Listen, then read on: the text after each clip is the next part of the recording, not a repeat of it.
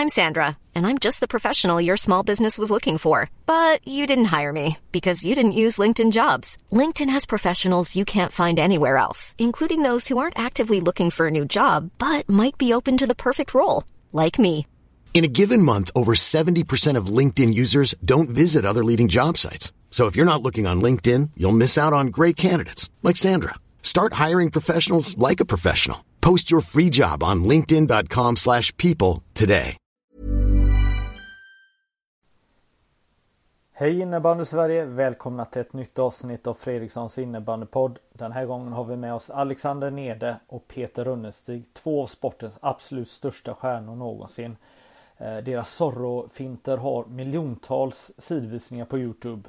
Jag är helt säker på att jättemånga av er har kollat mycket på deras eh, mest klassiska mål. Men vad gör de idag och hur besvikna är de egentligen på att de inte fick eh, den här chansen i blågult? Jag är jättebesviken över det och jag vet att det var väldigt, väldigt många när de stod på toppen av sin karriär som också var besvikna att de inte eh, var med i landslaget för det var ju en otrolig PR eh, de spred för innebandyn. Killarna fick åka världen runt för att göra PR för sin idrott men tyvärr så fick de inte den här chansen i strål, eh, strålkastarljuset i eh, Sverige. Men nu tänker jag att det är dags att vi släpper in Zorro Boys och eh, detta avsnittet. Nu kör vi, hej!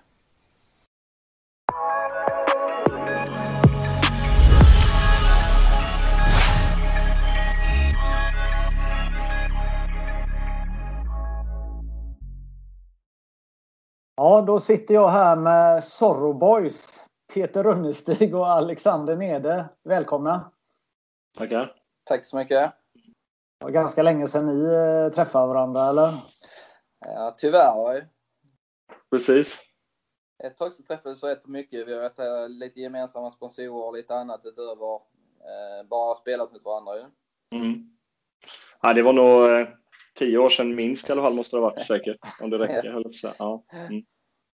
Ja, men ni är ju klädsamma här i ett par dagars eh, skäggstubb eller vad? Mm, det är så det är nu för tiden. Närmar sig semestern. Mm. Ja. Vad, Alexander, jag såg något inlägg, nu vet jag inte hur länge sedan det var, men du skar upp det rätt eh, rejält för några år sedan, va? eller vad var det som hände? Ja. Ehm, det är två år sedan nu ungefär nästan exakt. Jag, ehm, jag driver en egen eh, firma där jag håller på med glas. Och eh, det var en olycka där vi eh, tappade ett eh, nyskuret glas som landade över benet. Så att jag högg, högg av mig alla muskler i framsida skenben och nerv och allting. Så det eh, öppnat från sida till sida där liksom. Så det var rätt så allvarligt. Samtidigt så hade jag väl rätt så tur att det inte tog ännu sämre liksom och vener och annat som man hade kunnat förblöda utan det var ren, rena muskler som kapades av lite annat. Så jag har haft lite strul med det men eh, hyfsat tillbaka nu. Ehm, så att det ändå går att röra sig och jobba och vara med barnen och annat. Men eh, lite problem med nerver och lite annat kommer man väl få leva med resten av livet. Nej, aj, det, ja, det, man förstår ju att det är jäkligt farligt och att handskas med glas och eh, sylvassa saker. Men det var, in, det var inte ett eh, PR-jippo då? Nej, det var det inte. För, för mediatid igen efter lång frånvaro. Nej, det var det inte.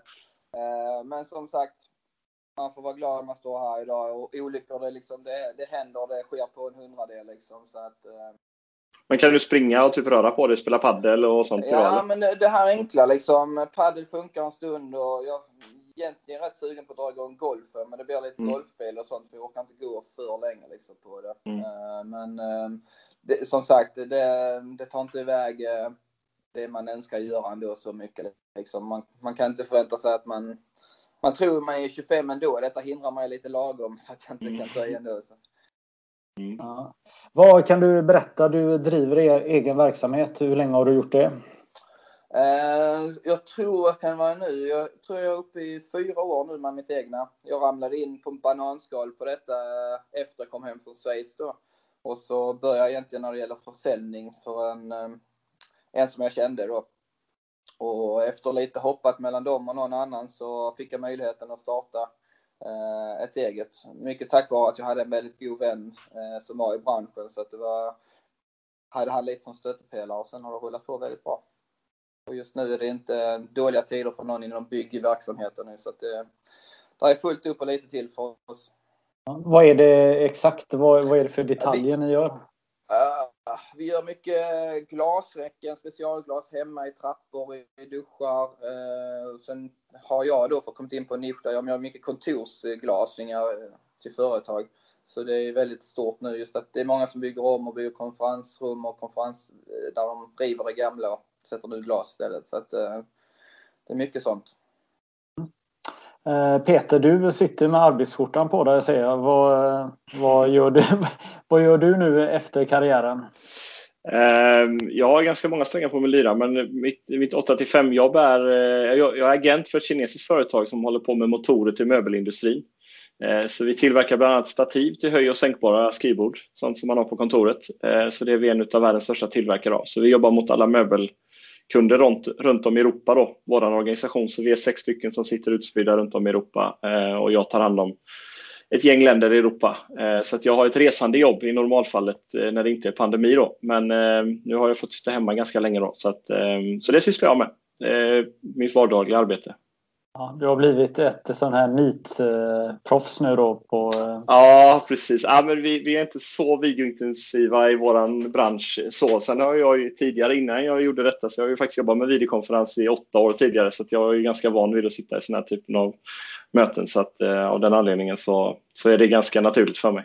Mm. Jag tänkte vi skulle gå tillbaka och börja prata era karriärer här ska se, Peter, du slutade på elitnivå 2015 uh, ungefär. Och när var det? Alexander, när slutade du? Jag tror att det var 2014, för det är samma när min uh, första son föddes. Så att, uh... Ja. Mm. ja, nu har det gått, uh, nu har det runnit lite vatten uh, sedan dess. Vad saknar ni hetluften eller vad? Alltså för min del så tyckte jag det var rätt så skönt. Man har ändå varit med i rätt så många år. Jag började komma upp i elitserien 01 då ju. Uh, och det är ju rätt mycket resande och annat i innebandyn. Så att när jag väl slutade så tyckte jag det var rätt så skönt att vara borta från det. Uh, man var rätt så mätt där tyckte jag just på, på allt liksom. Så att det tog några år innan jag började komma tillbaks. Till och med kolla matcher och annat live liksom. Sen så, så mer man är där, det är klart att man uh, många gånger och tänkt att man kanske skulle gå ner där igen. Och de, jag har fått frågan några gånger där det har varit liksom lite semi-aktuellt för comeback. Och, eh, när de, men eh, nog tur att man kanske inte gjorde det. Jag tänker på kropp och annat också. Så att, eh, man är ju väldigt bra. Man tänker sig att man är väldigt bra i huvudet. Men jag tänker mig att eh, det är lätt att sitta på läktaren och säga. Precis, och det är egentligen ja. samma för mig. Som sagt, jag, jag slutade också där i samma sväng egentligen. Och Sen höll vi igång med lite, med lite gamla Pixbo-spelare och lira så här, men jag, jag, kände ganska snart efter att jag slutade på elitnivå att jag, jag tyckte faktiskt inte det är kul att spela liksom, innebandy alls. Sen är jag ju väldigt aktiv fortfarande då i, i Pixbo, men men som spela tycker jag inte, det har jag tappat helt. Jag har substitut med golf och framförallt padel som jag spelar mycket då, så det blir min. Men det är klart att man saknar det som du säger Alex. Man går ner och kollar på någon slutspelsmatch och tänker att här hade man ju inte gjort bort sig om man hade fått ett halvår. Men det är klart att man hade, man hade inte haft en chans. Men man, man tror ju ändå det någonstans. Eh, så det man saknar är ju som alla som slutar, det är omklädningsrummet eh, och de stora matcherna liksom när det gäller de här novembermatcherna borta någonstans. Eh, man får åka, spela klockan sju i Sundsvall eller var man nu åker. Liksom. de saknar man ju inte jättemycket. Men eh, när det börjar närma sig guldmedaljen så är det klart att det då, då är man ju sugen. Mm. Tänkte vi skulle dra tillbaka banden från början då. Vi snackar Röke, vi snackar Fagerhult, där ni eh, startar då. Ska vi börja med Nede då som är två år äldre? Du var Röke, det var ju Hässleholm eh, mm. som du kommer ifrån och började spela innebandy. Ja. Jesus gick i kortbyxor ungefär. Ja, nästan. Ja. Ja, men... hur, hur, blev det innebandy och hur såg det ut i början? Uh, ja, men, som sagt, jag är uppväxt i Tyringe som är en liten ort utanför uh, Hässleholm där då uh, som med många småorter, man, man testar på allting, man kan ju cykla till allting själv liksom. Så för mig var det ju tidigt fotboll, rätt så väldigt tidigt ishockey som var de stora grejerna. Eh, sen så smög sig då Röke in till Tyringe, som är den närmsta orten med en idrottshall där. Och eh, det är som med många andra, någon kompis testar och så är man borde, så ramlar man in på det spåret där Så att jag man väl, eh, jag skulle gissa att man var en eh, 8-9 år när man började kanske innebandyn jag gissa där precis eh, slutet på 80 början på 90-talet väl. Eh, sen så, som sagt, man har gått där under sin skoltid liksom och sen så gick jag väl upp i A-laget. Jag har bara spelat ett år i A-laget och ökade. Då gick vi, vann vi division 3 och gick upp i tvåan med dem. Och eh, det var samma år som vi hade med mycket med Skånelaget. Eh, så att jag eh, den korta resan med Röke blev bara ett år i A-laget. Liksom. Hela min tid i ungdoms...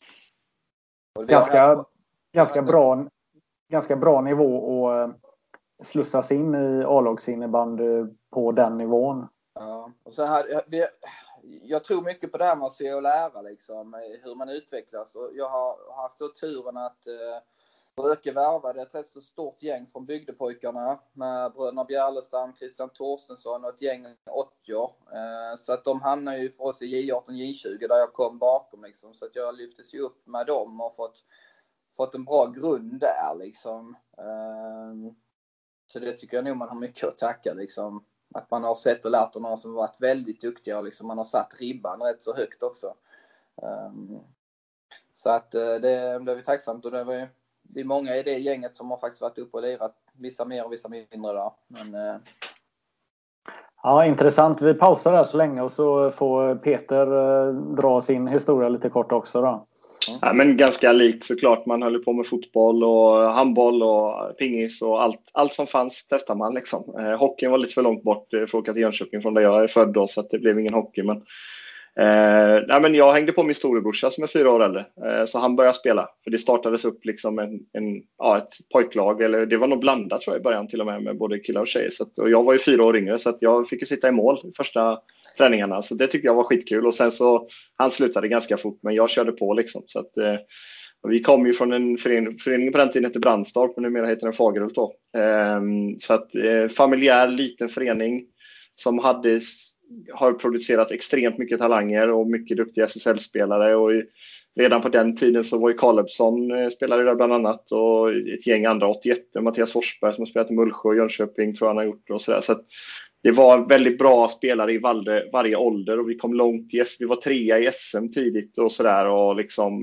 från, från att vara liksom 15 killar i varje ålderskull till att ta oss långt varenda år egentligen. Så, att, så det var egentligen min väg och det som fanns på den tiden som inte finns idag på samma sätt det är ju liksom att eh, ville man träna fick man träna hur mycket som helst med äldre killar och A-lag. Även fast man var 11 så var det någon som var skadad på träningen så fick man hoppa in om man var i hallen och där var man ju jämt. Så att, eh, lite det här se och lära som du pratade om. Det är ju det är A och O liksom. Få träna mot de som är bättre och få utmana sig och se vad man behöver bli bättre på för att sådär, så det var ju superviktigt. Liksom. Det är ju det som har gjort att man, att man gick hela vägen. Eh, det är jag helt övertygad om för min del i alla fall.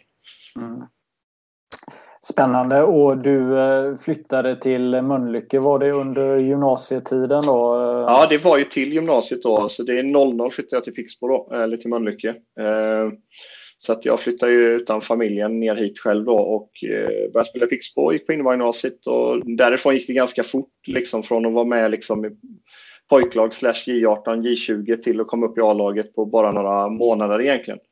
Eh, A-laget, vi hade ju Augustsson och Gide och Adam och Hellas och, och, hela gänget. Men det var en ganska liten trupp det året så det gjorde att ja, men vi lyfter upp några unga killar då, så, eh, eller bland annat mig då framförallt. Så jag fick chansen tidigt att komma upp och träna fulltid, spela du vet, några matcher, så där, hoppa in lite här och där. Liksom. Så det, det, de matcherna minns man ju mycket mer väl än de här matcherna i mitten av karriären någonstans. Jag har ingen aning, men där minns man ju varenda sekund. Liksom. Ja, jag minns att jag var och tittade på någon sån här halvsumnig match. Eh, kan varit Pixbo mot eh, äh, Västerås. Och så hoppade in en kille som man tänkte oj, om det blåser mycket en dag när han står och väntar på bussen då måste han mm. hålla sig i lyktstolpen. Mm. Du var rätt tunn. Ja. Och, och, du vispade in den där ja. direkt. Det var ganska kul. Mm. att se. Jag tänker Alexander, om man skulle ta nästa steg så var du tvungen att röra på dig va? Ja, men jag blev lite värvad med tanke på att Vidar Jonsson och Niklas eh, Kjelle Lauritz,son hade Skånelaget. Och eh, vi gjorde rätt så bra från oss eh, de åren vi hade både P16. Jag tror vi har ett, eh, ett silver och ett guld eh, med Skåne där ju. Men vi hade en rätt så fin generation 82 där som har varit tillsammans 81 också. Men Carl-Johan Nilsson, Irenius nu och några till liksom. Eh, och eh, på grund av det så var det nära till hands att bevärva till Helsingborg där vidare och de var aktiva. Och då var det som sagt samma år som jag slutade gymnasiet så det passade ju för min del rätt så bra ju. Så att det blev en rätt så naturlig väg. Nära, inte för lång flytt och jag hade också varit eh, uppvaktad av både Varberg och Pixbo också. Det var ju lite sådana här värvningsläger på vår tid när vi var lite yngre där vi blev inbjudna talanger liksom som jag har varit runt. Eh, så att jag, jag har varit uppe några dagar hos båda egentligen och, och spelat och sett liksom. Så att, och det vill också, ska man också ge e-, eloge till, även om de nu verkligen vill värva en till en förening så var det ju en eloge att alltså, oj, man är nära och man kunde sträva ännu högre liksom. Så att det var en fin pepp det med. Mm. Jag tycker så här sommaren 2021 att det är en lysande idé att bjuda in er två då Peter Runnestig och Alexander Nede till eh, min podd här och prata Zorro och Zorrofinter För nu har ju det funnits 20 år i eh, medvetande hos alla som håller på med innebandy och även ishockey. Men för att backa tillbaka det här bandet så var det ju Eh, en sekvens eh, i Sportspegeln när helt plötsligt det dök upp innebandy och en viss Janne Täke gjorde eh, en otrolig fint bakom mål där han kastade in bollen bakom Stefan Mattsson i Sveriges mål. Det uppmärksammas ju inte så mycket ute i idrottssverige idrotts-Sverige och innebandyvärlden men vi på redaktionen på innebandymagasinet kände att shit det här var någonting. Eh, vad var det som hände? Det här är någonting att bygga vidare på. Jag och Martin Zetterstedt klurade mycket här. Skulle man kunna kalla den här finten någonting? Eh, eh, Martin Zetterstedt hade ju under flera år hållit på med och tjatat om olika finter man kunde göra. Man kunde lyfta med sig bollen fram och tillbaka. Och i samband med att vi eh, även läste en eh, ett inlägg på Pix på Wallenstams matchprogram, alltså inför en vanlig seriematch så hade Henrik Berntsson som då var ordförande och idag är VD på Blixten och Kompen. Han hade skrivit att eh, Janne Täke gjorde någon form av eh, Zorro-rörelse och då tyckte jag och Martin här att eh, självklart ska den här finten heta Zorro-fint. Och det lanserade vi då eh, i innebandymagasinet för över 20 år sedan. Vi flög ner eh, Janne Täke till, eh, eller flög upp eller vad säger man, till Göteborg och vi fick han att visa alla de här finterna om och om igen och så att vi kunde presentera det i en Zorro-skola som vi hade under ett helt år med Janne Täke. Men min fråga här till er då, när upptäckte ni Zorro-finten och när började ni använda den här finten? För ni två har ju blivit kända i Sverige som två Zorro-kungar. Nej men jag eh, har för mig att som sagt att jag har, vi har börjat se detta i början på 90-talet någon gång. Eh, det var två grabbar eh, som jag nog har glömt namnet på tyvärr. Linkan kallades den ena förresten. Eh, som gjorde detta fast de gjorde det på ett sätt där de hade förstört bladen lite fram till där de eh, gjorde som en ren show liksom. De tog upp den och så stod mycket mer bara över huvudet och eh, och trixade innan och efter träningarna och jag såg det. Jag tyckte det lite som ni sa där såg lite spännande ut och eh, gjorde något liknande. Men jag som har väl en mentalitet att man gör nästan vad som helst för att vinna, så är ju liksom chansen med att, att, att ta detta lite steget längre. Så att eh, jag var rätt så snabb på att vilja göra mål och skjuta med det och hur, hur man gör så här liksom. Så att, men sen så blev det en inlärningsprocess och jag kommer inte ihåg hur länge det är, men relativt, jag skulle gissa att jag har nog inte varit mer än 12-13 när jag började med det på match. Eh, och då, då pratar vi 95 någonstans. Eh, så att, eh, men eh, samma där, det är inget jag hade kommit på själv utan det är när jag såg dem på träningen. Då. Mm. Peter, hur, hur startade det för dig då? Eh, nej, men för mig började, för, för på den tiden var det så, idag hade, hade Alex gjort när 12-13 så hade jag ju sett det på 30 sekunder via YouTube och Instagram och TikTok liksom. Eh, på den tiden var det inte så lätt att få tag på videomaterial för någonting liksom, eh, eller knappt hörsägen heller. Eh, världen är ju lite mindre idag av den anledningen. Men eh, jag började träna liksom hocka bladet och liksom dra den på golvet liksom, som de idag kallar för golvsorro liksom. Och sen någon gång så fastnade den då liksom.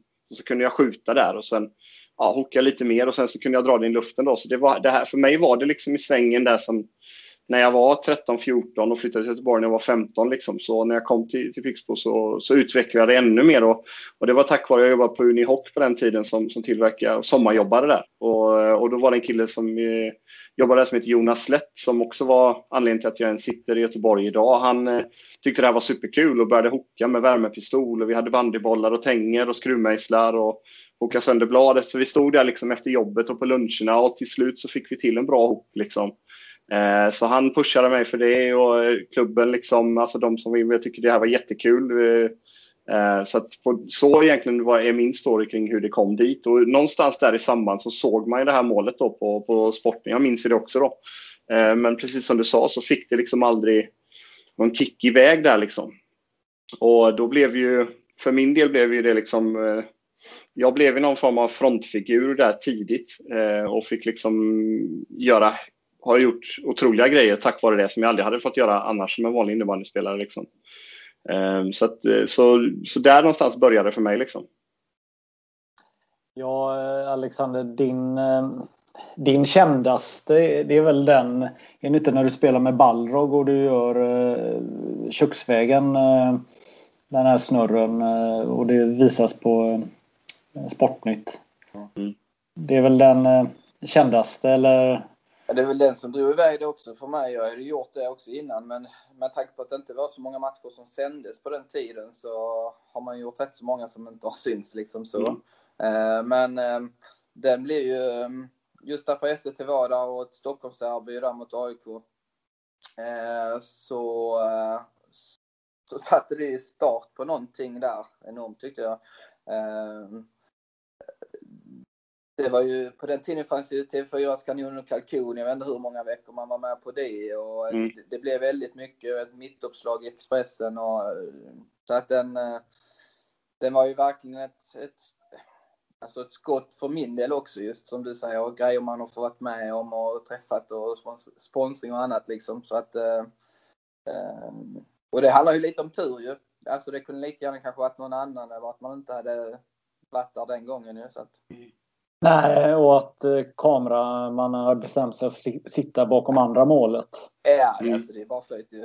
Mm. Ja, ja, nej, men det, nej, men tittar man på Youtube idag så eh, har ni ju massa olika klipp eh, som har eh, x antal tittare så att det är ganska populärt. Ja. Ja, men två grejer där. Gällande det målet så tycker jag det är så roligt för det, det året så var det samma år som eh, Zlatan klackade in mot Italien. Och på SVT så hade de en klicklista efter årets slut, vilken som var mest klickad på under året, där jag krossade Zlatan. det är viktigt. Det var, det är bra. Ja, men det var rätt så ja. faktiskt. Men sen så måste jag då säga att det har visat för min del så visade det sig ett mål till i en match eh, som jag också tror var SVT, eh, när vi mötte Jönköping i Baltiska hallen. Det tycker jag är ju faktiskt ännu snyggare. Men den har inte mm. fått så mycket rubrik. Men jag, jag, skjuter, jag skjuter den i första krysset mm. från typ dödvinkel. Um, så för mig slår den egentligen högre. Mm. Men det, den, den fick inte alls mycket uppmärksamhet av någon anledning. Nej, är det den som dyker ner i krysset eh, där eller? Nej, jag sätter den Nej. i första krysset. Ja, ja, det är den. Ja. Med hela och sen in det, ja. i stort sett. Ja. Får bli en väldigt duktig landslagsmålvakt just då också. Mm. Ja, nej, men det är ju det är klart. Och, eh, alla satt ju och väntade på de här eh, situationerna som skulle uppstå när ni spelade, eh, eller hur? Så var det. Ja, det var ju liksom ibland nästan när det här slog igenom. Jag kommer ihåg liksom man spelade liksom, var med lite i A-laget, spelade man junior och sen ibland så åkte man och spelade cup i Göteborg eller Falun med sitt P84-lag då som jag spelade. Det, liksom, det, det var ju fullt i, i Lundbystrand eller vad vi nu var och spelade. Det var ju knökat liksom och alla väntade ju på det här liksom. Och ibland till och med när man spelade hemma i Lisebergshallen så satt de nästan på... Jag satt ju längst ner på bänken för jag var ju junior liksom men ändå så bara sjöng ju alla mig att jag skulle in och, och spela då liksom. Och, eh, det hände givetvis kanske inte så ofta men eh, så, så, det är klart att det, det var ju jäkla hype då. Ja. Tänker att eh, ni två måste vara en av de eh, eh, ni måste vara de två spelarna som fått mest trash talk i historien. Alltså, jäklar vad ni måste fått eh, höra mycket och hur många som vill få er ur balans att inte våga göra de här Zorro-finterna. Eller? Eh, men jag kan börja. Alltså, jag klarar mig nog ganska bra undan från, eh, från liksom trash talk eh, på det sättet. Eh, det var ju mest att man, man hade en press ifrån laget att liksom, du kan inte bara springa och sorra hela tiden. Du måste göra poäng och mål. Liksom. Så den, pressen kom ju, vilket gjorde att under ett år spelade jag säkert utan Zorro och hopp bara för att liksom visa att jag kunde spela innebandy också. Eh, vilket jag såklart kunde, annars hade jag inte varit där. Men det, så det, var, det var inget trash också, men det var en därifrån. Liksom. Eh, sen tror jag ju Alex hade tuffare, men du hade, var ju en lite annan typ av spelartyp också, en annan typ av person än jag, så du fick nog uh, höra, eller det vet jag, för jag var ju själv med och mötte dig många gånger, så att, uh, för min del var det aldrig det man fick ja, men vad, vad, var det ni, vad var det ni sa till, eh, eller vad, vad skulle man säga till Alexander då? Ja, men det var nog inte mest att säga till Alexander så mycket, det var ju bara till att han kom ur balans liksom och började spela fult, att han åkte ut. Det var ju, det var ju så det var. Som de hade ju en legendarisk femma i Ballag där som kallas för Cycleline. Och han, eh, Nisse då, Andreas Johansson och Daniel Dahlbjerg. När de kom in på plan så visste man ju inte. Alltså det kan ju vara sjukhus om man inte passar sig. Liksom. Så, så, så var det ju nästan. Eh, men men, var, om man säga, alltså, där, den kedjan och det laget, alltså, ja. det var ju riktigt sjukt egentligen. Ja, det var det. På oss tre. Men alltså, ni, ni, hittar inte tre snällare människor utanför banan. Absolut alltså, inte. Det är, det, är det som är så sjukt egentligen. Så är det. Men, men ni bara svarta för er när ni gick innanför sargen. Så är det Ja, och jag tyckte jag kanske kunde vara lite speciell bara, men uh, både Dahlia och Lisa ligger ja. rätt så i lä där. Ja, de, de har en nivå till. Så är det. Ja. Ja, man, men, pratar, man pratar ju mycket om eh, folk som levererar poäng men här snackar vi mycket utvisningsminuter i en eh, line där. Alltså det... ja, men problemet var ju att han producerar extremt mycket också. Ja. Jag menar Nisse var ju grym, Dahlberg var ju helt outstanding och du var ju, det var ju en av dina bästa säsonger där när ni faktiskt lirade ihop. Det var ju ja. ostoppbara var ni ju liksom. Men för jag, jag tror vi kom etta, tvåa, trea i utvisningslidan året innan när jag flyttade upp där. Eh, och så satte de ihop oss då. Sen, men jag skulle gissa i alla fall, utan att ha kollat någon statistik, jag skulle gissa att vi alla tre producerar i alla fall 30 till 40 poäng var också ju. Mm. Um, så att, uh, nej, de är, var fantastiska innebandyspelare dessutom ju. Så att, um, men det är det här man saknar. Man skulle vilja se en psycholine i, yeah. i Kalmarsund eller i, i Fixbo. Alltså det finns ja. ju inte. Nej. Nej. Och sen de är uppbackade av Jonas Steffen och lite andra sådana där bak och så Klingan liksom. Exakt. Uh, ja, härligt.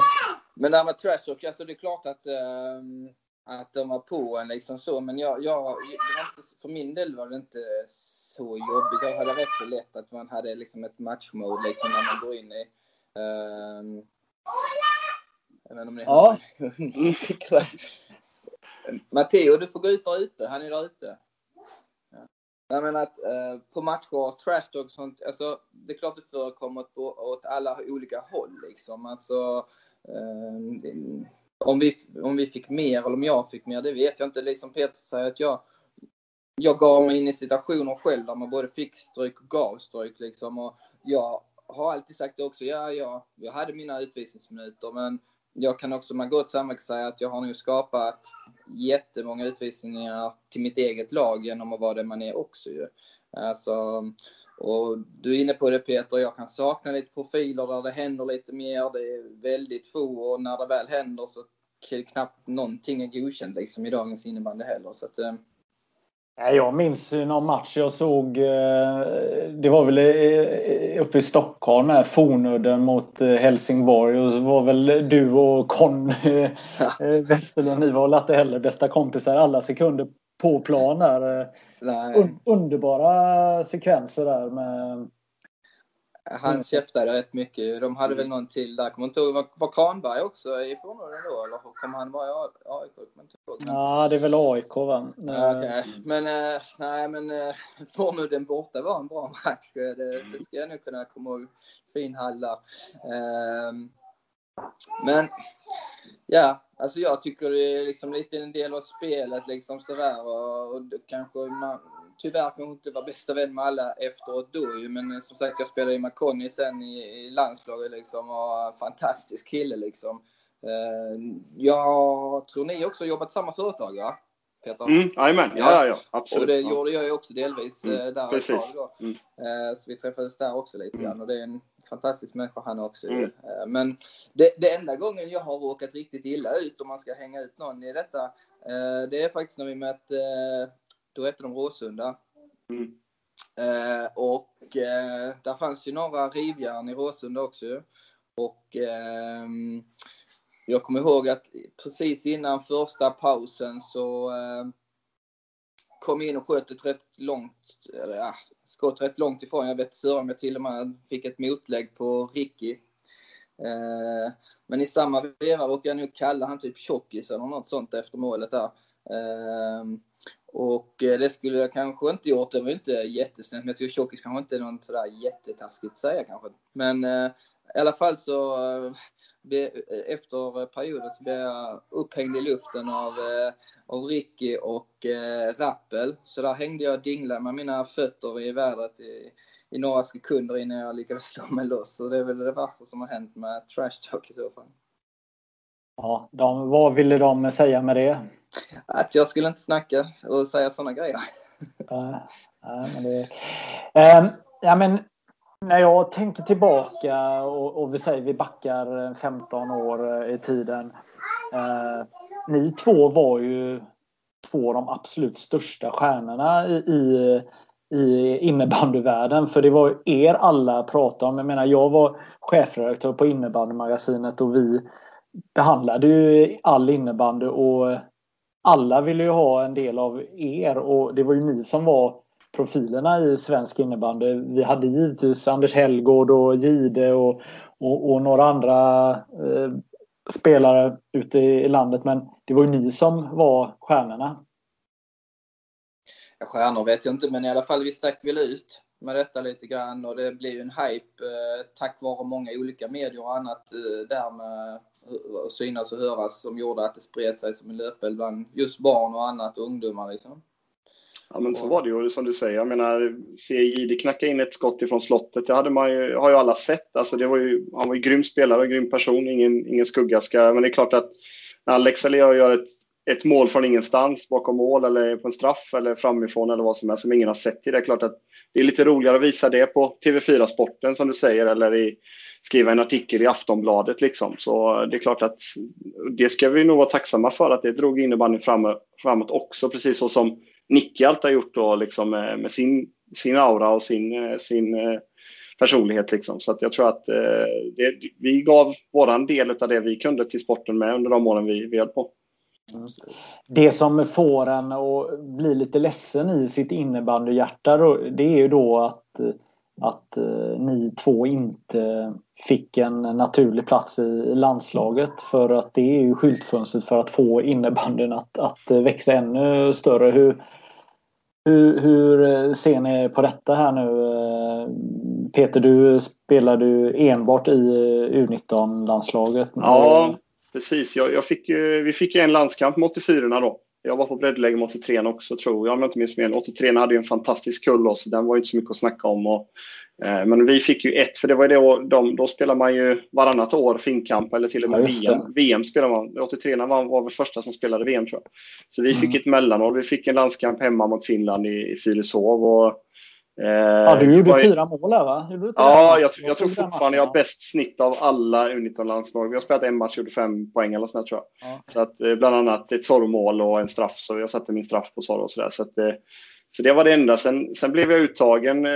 Det som gruvar mig lite det är ju i början 2004 någonstans så tog man ut ett landslag med spelare födda 80 och mötte Sverige, eller mötte Finland uppe i Stockholm tror jag på, eh, på Hovet eller vad det var. Och då tog man ut ett. Och då, när, när laget togs ut så ledde jag poängligan och skytteligan i hela serien. Eh, och då, klart det var ju många bra spelare så det är inte att jag menar att jag ska peta någon men man borde åtminstone fått chansen och kanske till och med vara på en reservplats, vilket jag inte ens var. Eh, och på den tiden så, så hade jag ju haft Kristina Langgren som var förbundskapten vid tillfället. Eh, hon eh, hade jag ju som instruktör på innebandygymnasiet och hon var tränare i Pixbo och eh, sådär. Så att jag hade en god relation till henne men eh, de valde inte att ta ut mig, hon och Hallstensson och det, det kan inte jag säga någonting om men eh, det sved lite. Och sen så fick jag möjlighet blev uttagen som reserv, väldigt sen reserv uttagen 2005 kanske det var någonting. Och då tyvärr så kunde jag inte medverka så jag tackade nej. Eh, för att jag var inte hemma helt enkelt. Och efter det så, så, kom, så kom chansen aldrig tillbaka så att säga. Ja, just det. Mm. Eh, Alexander, du eh, var ju med i eh, ett gäng landskamper eh, ungefär under samma tid var det väl? Ja, strax efter där ska jag gissa. Jag, jag för mig att jag var aktuell lite under 05 och sen kom med lite i 06 där. Ja, för du var väl med på lite affischer och sånt inför VM där och så, eller? Ja, det har jag för mig att jag var i någonting sammanhang där. Jag hade ju mitt bästa år om jag poängmässigt har för mig var 06. Så att, eh, men att jag var på tapeten lite innan och jag hade, det var ju också Kristina och Uffe där i alla mm. fall. Mm. Mm. Sen jag, jag fick för mig att Kristina hade nog ett gott öga för mig där i alla fall, så vet jag inte hur mycket det påverkat liksom. Men eh, det blir några landskamper här och, och eh, Finnkampen i, i Helsingfors som var rätt så stort också som jag var med i. Där fick jag nog hänga, jag tror jag gjorde ett mål i matchen och en på en straff sen på eh, en duktig finsk målvakt där. Mm. Men jag, i mitt fall, jag vet som ändå var där lite grann, jag, jag hade lite otur. Sen så tror jag också man ska vara där och ta chansen. Eh, det här med att liksom både visa att man kan stå ut med sin grej, men samtidigt liksom bidra på alla eh, nivåer som behövs i allt i försvarsspel, anfall och vara mer sådär. För att jag kan inte säga att jag inte fick chansen. Min första träning gjorde jag med Helgård och Gide. Eh, mm. det, var, det är ingen dålig femma vinstlängd som man känner sig ung där ju. Mm. Så att, eh, det, ja, det ligger på mig. Sen så hade jag... Ja. Eh, sen så kan jag tycka att det var VM det året där sen och eh, och hade ett väldigt, väldigt bra år då. Eh, jag spelade mycket, fick chansen både som jag nämnde där i en väldigt fantastisk kedja med Helgård och Niklas och eh, testades rundor liksom. Eh, och jag tror ju det mesta ligger på mig. Sen kan jag tycka det är lite otur inför VM liksom att den spelare man var, den flyt man hade, så valde man att gå på säkrare kort liksom och eh, tror jag valdes bort kontra eh, Daniel Marklund tror jag han hette va? Uppe i mm. dalen.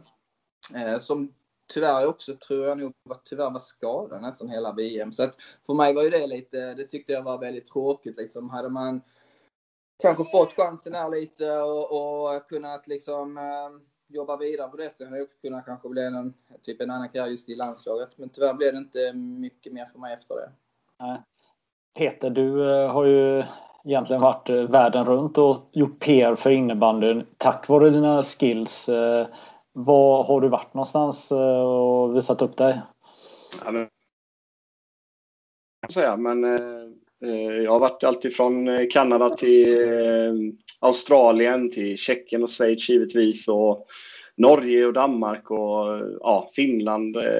Men lång, långväga i alla fall så var vi en sväng i Australien i alla fall. Så det var, det var en fantastisk resa och det var ju det var ju liksom inte på förbunds, förbundsinitiativ alls. Eh, det var varken IFF eller svenska som var inblandade i det, utan det var ju var, i det fallet min sponsor på den tiden då som, som tyckte det var en, en bra idé att försöka liksom promota innebandyn där nere. Så att, eh, det var en fantastisk resa såklart och jättekul och det var tv och media och sådär.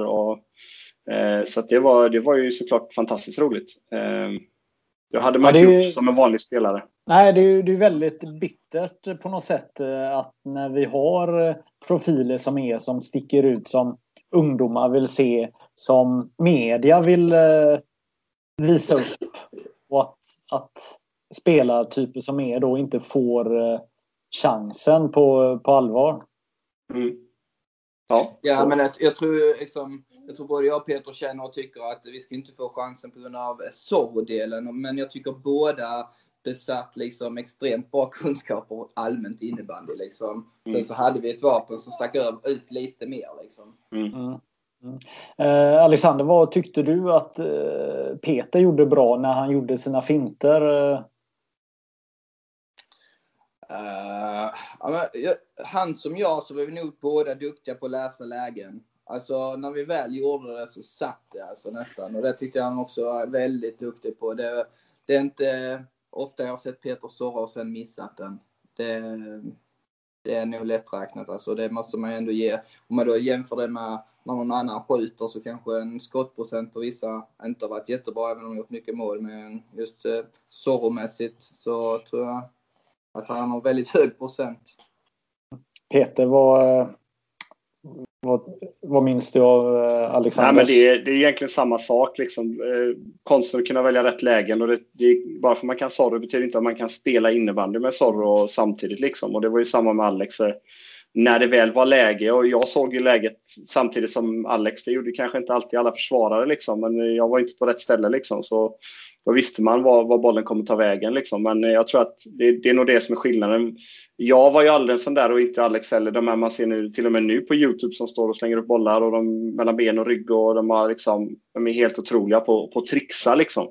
Eh, I början var vi ju det, för då var vi liksom ensamma om det, men sen så, så försvann ju allt det där. Liksom. Utan det som jag försöker lära ut eh, fortfarande, för jag får mycket förfrågningar när jag åker runt i lag och sådär, det är liksom ni ska ju också kunna göra det i fart och i spelet och kunna använda det liksom, så ni inte behöver springa och byta klubbar när ni ska liksom, eh, så, så det, det var ju det som var det, fram, annars hade det inte funkat att spela på den nivån som vi faktiskt gjorde.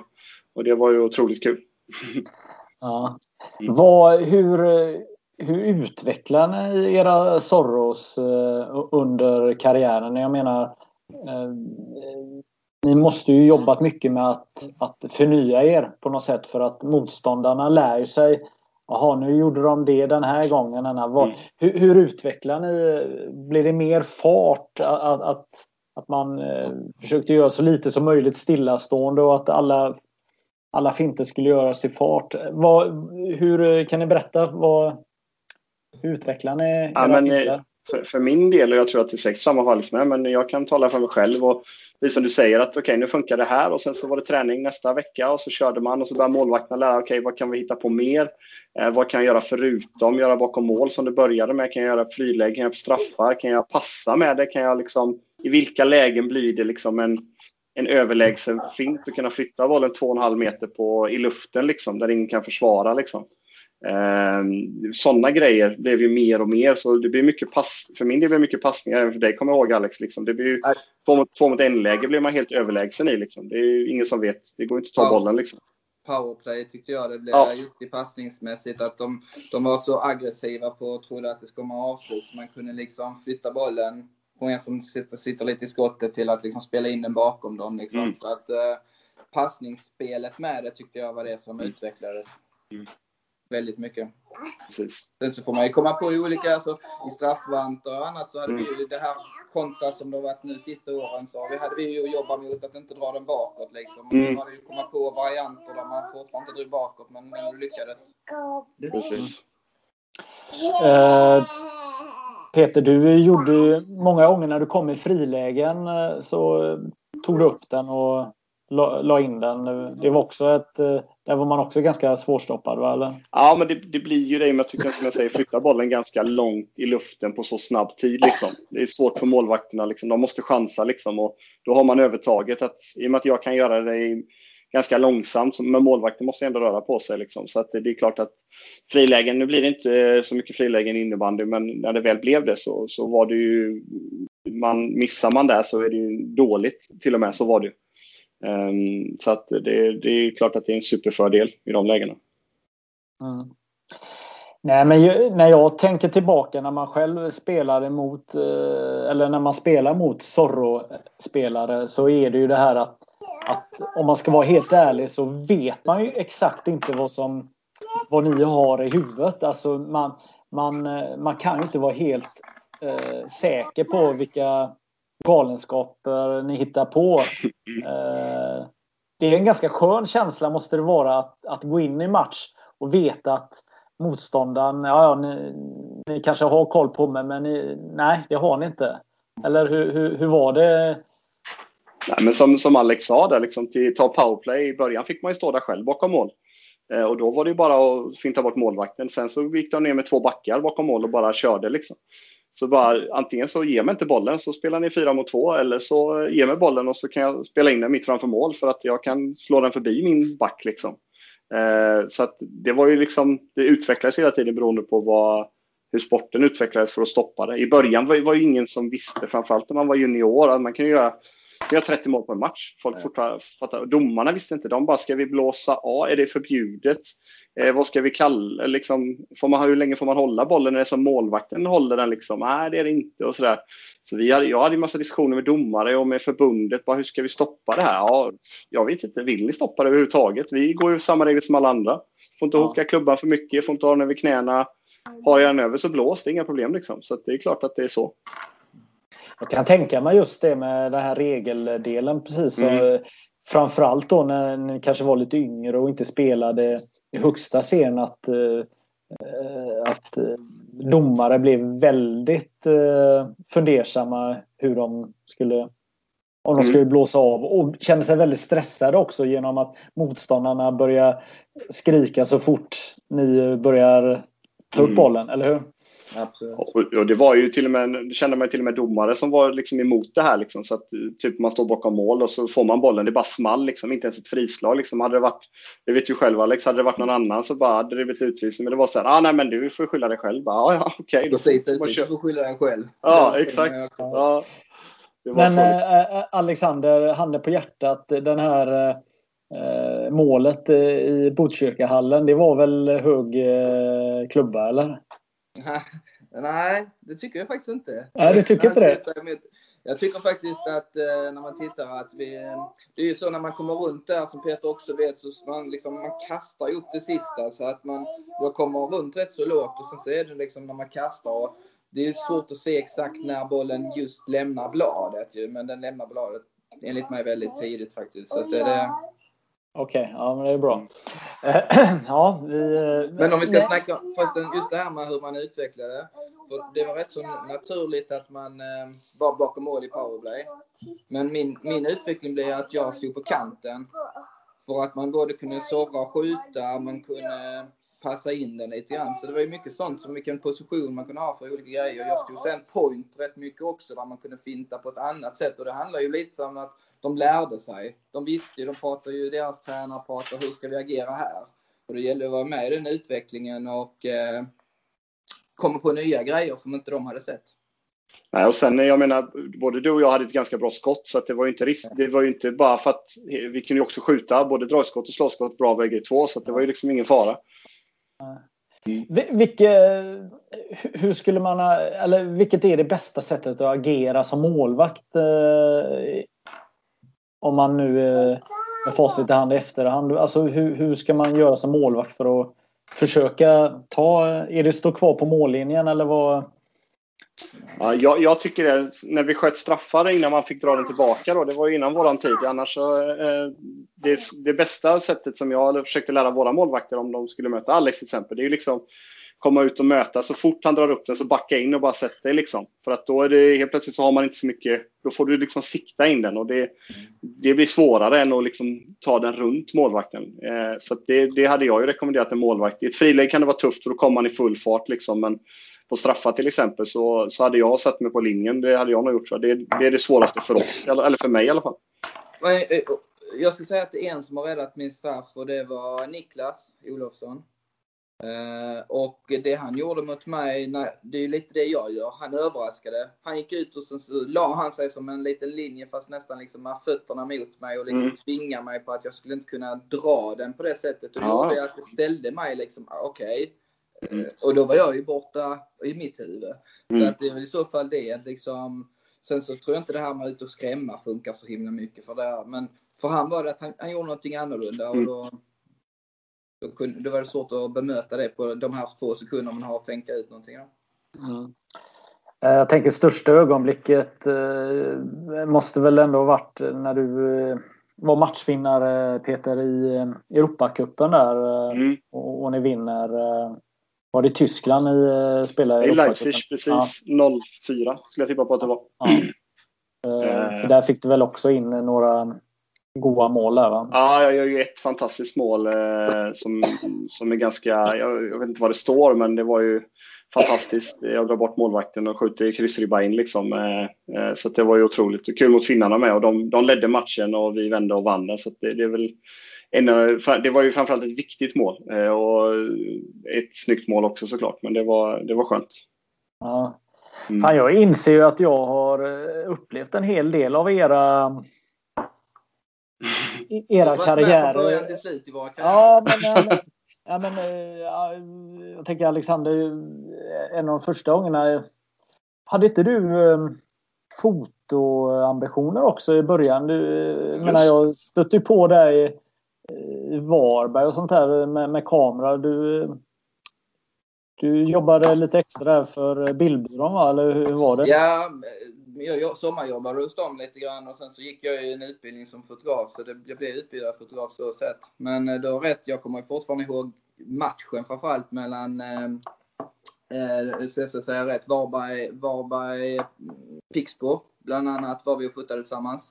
Um, så det var ju speciellt för mig. Ena dagen stod man och fotade dem. Det var innan jag kom upp i elitserien och sen så mötte man dem år senare liksom. Och där var de ju stora hjältar för en liksom. Mm. Men eh, nej, jag började där. Jag tror till och med du köpte, eller gav, jag gav dig lite bilder från några av de matcherna och eh, jag har varit med och fotat några kataloger till Unihoc, eh, bland annat lite sådär också. Ja, då eh, när jag träffade dig första gången, då var man nog lite eh, överraskad att du skulle ta det här elitsteget där. Det var inte så att jag hade några författande meningar, men nej, det, det är imponerande. Um, vad, vad, vad, tänker jag? Jag tror också jag såg när ni vann junior-SM. Eh, det gjorde väl ni eh, nere? När var detta? Vi vann, eh, alltså det måste varit J20 där uppe i Göteborg. Mm. Då spelade vi ju, vad heter den hallen bredvid Skandinavium? Vallhalla. Vallhalla, ja. Mm. Vi eh, tror jag vi slog Hässelby i semifinalen där och sen så slår vi Mora i finalen. Eh, och då det var rätt så roligt för att då eh, det är ju fint ögonblick i ens karriär faktiskt. Vi hade fantastiskt. Jag, jag drog sönder knät eh, en och en halv vecka innan matcherna. Så jag hade söndriga menisker, så mitt ben låste sig hela tiden när jag försökte springa. Det var våldsamma smärtor. Men vi, jag fick ett specialskydd, knäskydd och låste det så jag typ inte kunde varken böja eller sträcka det knappt och haltade rundor på de två matcherna. Så att eh, i finalen så stod det lika. Jag tror det var rätt som målsnott, typ 1-1 eller 1-1 tror jag matchen blev faktiskt. Eh, och så sa jag till Karl-Johan då att eh, du måste göra mål direkt för jag faller ihop snart. Och då vann han teckningen, gick, gick, eh, gick och tog den bakom egen kasse och sen gick han coast to coast och hängde in den. En jäkla jubel där. Så att, eh, det är ett fint ögonblick som man faktiskt aldrig kommer att glömma. Ja, eh, och Peter, ni vann väl också? Ja, vi vann samma. Vi vann nog några minuter innan dem, för vi vann J18 samma år, samma klassen under då, 84 och vi mötte Hässelby i finalen då med Hagberg bland annat i spetsen och Måwe och, och gänget. Eh, fantastisk eh, match. Jag tror vi vann med 4-2 kanske, eller vad vi nu vann. Eh, så att, eh, nej, det var Alltså vinna SM-guld med, med A-laget är ju såklart en eh, fantastiskt då, även om jag inte spelar så mycket. Men eh, som junior då med sina bästa polare på en annan nivå liksom var ju var helt otroligt. Det var det. Ja, men det var, jag tänker att vi börjar närma oss slutet här nu. Det finns ju egentligen eh, hur mycket som helst att, att, att prata om här. Jag ska, bara visa en... Ska visa en till. Här, en riktig Aston Villa här vet du. Så, ja. Så det... ja, det var det. Nej, men... Ja, jag tänker så här. Vad, har ni några idéer hur um, innebandy ska bli den här vackra svanen och få ännu mer uppmärksamhet? Vad, vad tänker ni behövs göras den kommande tiden? Har ni några idéer? Eh, jag jobbar ju ganska mycket, eller jag jobbar väldigt aktivt i, i Pixbo nu. Dels som jag är med och driver Elitakademin på herrsidan i Pixbo eh, som sportchef och allt i allo kan man säga. Och sen så är jag även med i bland annat intäktsgruppen i, i föreningen för våra nya arena som står klar här nu för ett tag sedan och har in, kommer invigning här nu till hösten. Eh, och, och, det är liksom, innebandyn är ju som alla idrotter en treenighet. Det är media, sponsorer och publik. Eh, får du två så får du en tredje och sådär. Så att det, Eh, då driver det pengar och så, så liksom kan man få snurr på det den vägen. Och då, det är ju en svår nöt att knäcka. Det, min analys av det hela, och det kanske svider innebandyhjärtat, men eh, innebandy som idrott, om jag tar i Mölnlycke där, där vi bor med en, eh, liksom en stor förening med 900 medlemmar, så då spelar antingen vårt herr eller damlag hemma. Damerna blir tvåa i år, alltså ett av världens bästa lag. Herrarna missar i sig slutspel, men de, eh, det är liksom ändå en av världens bästa lag, i alla fall topp top 20 då, om man enkelt ska förklara just nu. Då. Och inte ens det kan locka då eh, alla våra medlemmar till alla matcher. Eh, och analysen jag gör av det, det är så att sporten som sig är inte tillräckligt attraktiv och det är egentligen väldigt få idrotter. Det kanske är en av få idrotter som är det just nu. Det är typ padel som lockar mycket publik. Men jag brukar skoja och säga så här, om du tar bort eh, alla restauranger och alla kaféer och alla raketer och i Skandinavium i Göteborg så sitter det 4 000 där efter ett par matcher. För att det, det är liksom allt runt omkring. Det är hela eventet. Det är det som drar folk. För att alla kan inte sitta och kolla 3 gånger 20 på alla byten och alltihopa. Så, eh, så intresserade är väldigt få, liksom, utan du måste ha någonting mer som gör att vi driver liksom, publik till våra arenor. Eh, det tycker jag många klubbar är på, på god väg, men jag tror att vi måste nog tillsammans liksom hitta ett koncept. Liksom, för att det, eh, och gör vi det så kommer det dra, liksom, ja men vi har mycket publik, ja då kommer sponsorerna med, då kommer inte pengar och då har vi mycket publik, då kommer media dit och så kommer, får vi ännu mer sponsorer och ännu mer publik. Så det blir liksom, någonstans måste vi börja innebandyn och där vi kan påverka själva det är att ta hand om våra egna event eh, för att dra publik. Eh, och sen givetvis försöka dra in sponsorer. Eh, och sen media är svårpåverkade. Det är klart att vi ska göra vårt bästa för att få bra tv-avtal och tidningarna skriver om oss. Men jag tror man får, får börja gräva där vi står. Det tror jag är jätteviktigt. Jag håller med det du säger. Jag tycker det är helt rätt analys. Liksom. Um, hur, hur, att det är så svårt att få alla de som redan är medlemmar att spela, att inte ens de är där liksom, på matcher. Uh, uh, hur man lockar dem liksom, kringgrejer runt det och lite annat. Men sen så, sen så är man lite jävig där, men alltså jag tycker ju att det är profilfattigt. Alltså, mm.